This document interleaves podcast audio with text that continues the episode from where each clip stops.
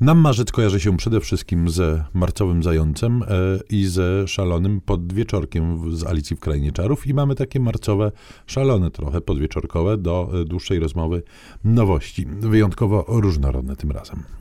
Tylko, że to średnio zręcznie się nam zaczęło, ponieważ pierwsza nowość z podwieczorkiem niewiele ma do czynienia, bo to bardzo poważna książka o głodzie. Martin Caparros, to jest argentyński pisarz i dziennikarz. Y, u nas wyszła kiedyś, dawno temu jedna jego powieść, ale nikt o niej dziś nie pamięta, za to wszyscy, myślę, mówić będą niebawem o głodzie, który z końcem marca ukazuje się po polsku. To jest ogromna, 700-stronicowa książka, która porusza problem światowego głodu. To brzmi banalnie oczywiście, ale bynajmniej banalną i oczywistą książką y, to nie jest, ponieważ Caparros podróżuje po całym świecie, jest w Azji, jest w Afryce, jest w Amerykach obu. Ogląda miejsca, gdzie głód występuje szczególnie e, intensywnie i przede wszystkim się zastanawia, stawia pytania. Trudno streścić e, tak pokrótce tę książkę, bo ogrom problematyki jest tam naprawdę e, wielki, natomiast to, co jest w niej ogromnie cenne, to to, że on jakby zmusza nas do postawienia pewnych podstawowych pytań. Widok głodnych dzieci z wzdętymi brzuszkami stał się takim, taką kliszą, czymś oczywistym, co powtarza się w telewizji i nikt na to właściwie nie reaguje.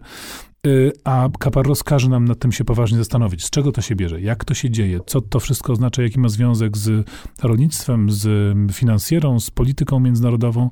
To są naprawdę odważne, na pewno kontrowersyjne i pewnie można się z nim mocno sprzeczać, ale niezmiernie celnie postawione pytania i próby pewnych odpowiedzi. Myślę, że najcenniejsze jest to, że jakby Caparro stawia pewną tezę, że y, głód jest zjawiskiem, które ludzkość musi rozwiązać. Sporo problemów rozwiązaliśmy w historii ludzkości. Niewolnictwo dziś no, występuje, ale w znacznie mniejszym stopniu.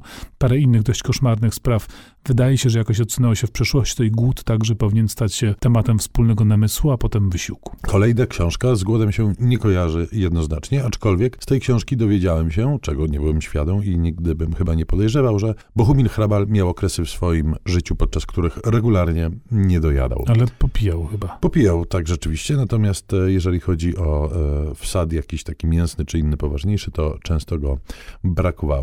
Nowa biografia Bohumila e, Hrabala, pióra wybitnego polskiego e, eseisty i pisarza Aleksandra Kaczorowskiego, Bohumil Hrabal, Słodka Apokalipsa. To znacznie zmieniona mm, wersja poprzedniej książki o Hrabalu, tegoż autora i e, bardzo ciekawa. To znaczy, ja myślę, że to jest książka, którą wszyscy e, hrabalofile, których w Polsce jest całkiem sporo, natychmiast e, połkną, ale e, tych z Państwa, którzy z Hrabalem e, nie zetknęli się ostatnimi czasy albo już nie pamiętają, jak i o czym pisał, też bardzo namawiamy na lekturę, bo ukazuje ona parę różnych ciekawych rzeczy. Po pierwsze, mało kto zdaje sobie sprawę, z różnorodności pisarstwa hrabalowskiego, bo on jest postrzegany jako dość jednak mm, spójny e, i jednorodny autor, co jest e, kompletnie mylnym błędem. E, było dokładnie odwrotnie. Nie dość, że pisał on różne rzeczy, to bardzo wyraźne okresy, które Kaczorowski tutaj podkreśla w swojej książce, mm, w jego twórczej biografii się pojawiały, ale to też oczywiście kawał historii współczesnej Europy i to tej najciekawszej, bo naszej. Książka Kaczorowskiego to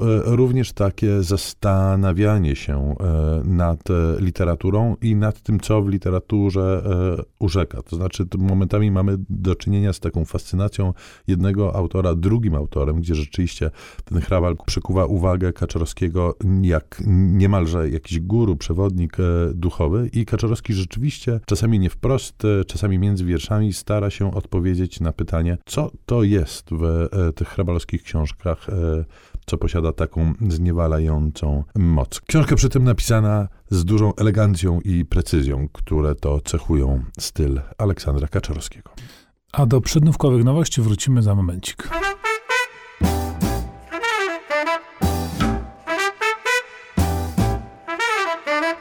Piątka z literatury. Polecają Szymon Gloszka i Tomasz Pindel z Instytutu Książki. Wracamy do marcowych nowości i przenosimy się teraz do Stanów Zjednoczonych Ameryki, gdzie spotykamy legendarnego Johna Browna. A spotykamy go w powieści pod tytułem Ptak Dobrego Boga, której autorem jest James McBride.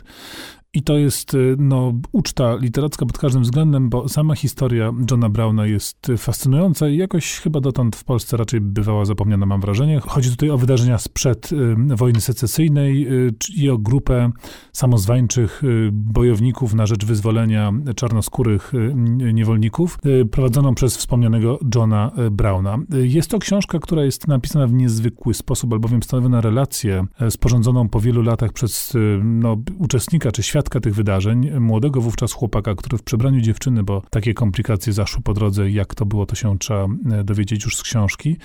Tenże młody chłopak po latach spisuje tę historię, ale spisuje ją takim angielskim, jakim władał, czyli językiem e, niepoprawnym, prostym, potocznym, e, ale zarazem niezmiernie urokliwym i musiał mieć naprawdę straszny kawał roboty tłumacz Maciej Świerkocki, żeby po polsku tę, tę specyfikę zachować, bo jest to książka, która bucha tą niepoprawnością językową, gramatyczną, ale zarazem pewnym, pewnym komizmem i siłą literacką, jaka z niej, e, z niej wycieka wszystkimi porami, a jest to po prostu świetny kawał, kawał historii, taki abolicjonistyczny western, pełen znakomitych postaci, pełen zupełnie śmiesznych momentów, chociaż w ogóle historia specjalnie śmieszna nie jest, dramatyczna wręcz, zwłaszcza w niektórych partiach, więc kawał ciekawej historii Stanów Zjednoczonych, podany niezwykle literacko wysmakowany sposób. Bucha językowością we wszystkich kolorach tęczy i we wszystkich możliwie mm, wyobrażalnych eksplozjach. Również i następna pozycja na naszej liście to książka Stanisława Barańczaka e, pod tytułem Zwierzęca, zajadłość i inne wiersze. I to jest książka, która zbiera cztery tomy, które się dawno, dawno temu e, ukazały. Pierwsze trzy z nich ukazały się jak jeszcze wydawnictwo mm, A5 kiedyś miało swoją siedzibę w Poznaniu, co najstarsi mieszkańcy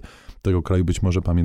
Zwierzęca zajadłość, zupełne zezwierzęcenie, biografioły i geografioły. To są cztery tomiki, które w tym tomie zebrane zostały i jest to mm, niewyobrażalna przyjemność lektura tejże książki. Ja sobie tak myślałem, że niedawno profesor Śliwiński opublikował dość głośny tekst o tym, że poezja jest niezbędnym niezbędnym elementem naszej egzystencjalnej diety i bez niej zwiędniemy i szczeźniemy. Jest jednak dość spora grupa czytelników, która ze współczesną poezją, powszechnie uważaną za hermetyczną, e, ma pewien e, problem, a do starszej e, nie ma ochoty wracać. I to właśnie dla tych czytelników, dla najbardziej wybrednych, tudzież dla takich poetyckich niejadków, ta książka jest wyśmienitą propozycją, bo rzeczywiście eksplozji językowych tu cała masa. Jest to absolutnie świetna zabawa, która nawet w najbardziej opornych obudzi jakieś pokłady lingwistycznej wyobraźni, którą wszyscy jakoś tam w sobie mamy. I wcale nie jest hermetyczna, tylko humorystyczna i śliczna.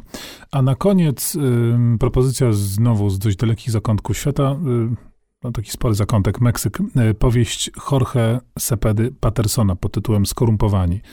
To jest jeden z wciąż nielicznych przykładów kryminału meksykańskiego, który do Polski dotarł wreszcie. Powolutku, powolutku skapują one e, do nas i to dobrze, bo kryminał meksykański, latynoski w ogóle bardzo mocno stoi. Mnóstwo ciekawych rzeczy tam się ukazuje i skorumpowanie jest przykładem e, tego, w jaki sposób kryminał łączy się tutaj z tematyką polityczną i z daleko idącym zaangażowaniem w sprawy współczesnego Meksyku. To jest historia, która zaczyna się jak klasyczny kryminał od trupa pewnej bardzo znanej e, kobiety z, ze sfery życia publicznego. Ona została w dość okrutny sposób zamordowana i dość szybko widać, że no, polityczne tło ewidentnie ta historia miała. I grupka przyjaciół, czwórka trzech panów i jedna pani, którzy już od wczesnych lat szczenięcych trzymają razem sztamę. Tutaj będą musieli zmierzyć się z tym e, e, wydarzeniem, a to też nie będzie takie proste, bo lat od tej szczenięco, szczeniącości minęło całkiem sporo, to już są dorośli ludzie, każdy ze swoim życiem poukładanym, ale tak naprawdę wchodzimy w świat wielkiej meksykańskiej polityki, przeżartej korupcją, przeżartej układami z narkobiznesem. Bardzo ciężko jest rozgraniczyć, gdzie kończy się państwo, zaczyna mafia i myślę, że ta powieść, oprócz tego, że oferuje mnóstwo fabularnej atrakcji, jest takim dobrym i lekkim wprowadzeniem w skomplikowaną sytuację Meksyku. I tak nim wiosna zadowoli nas jakimiś pierwszymi kwiatkami, rozkwitnijmy sobie sami, czytając a to poezję, a to reportaż, a to wyśmienite powieści. Wybór należy do państwa. Pozdrawiamy. Szymon Kloska. Tomasz Pindel.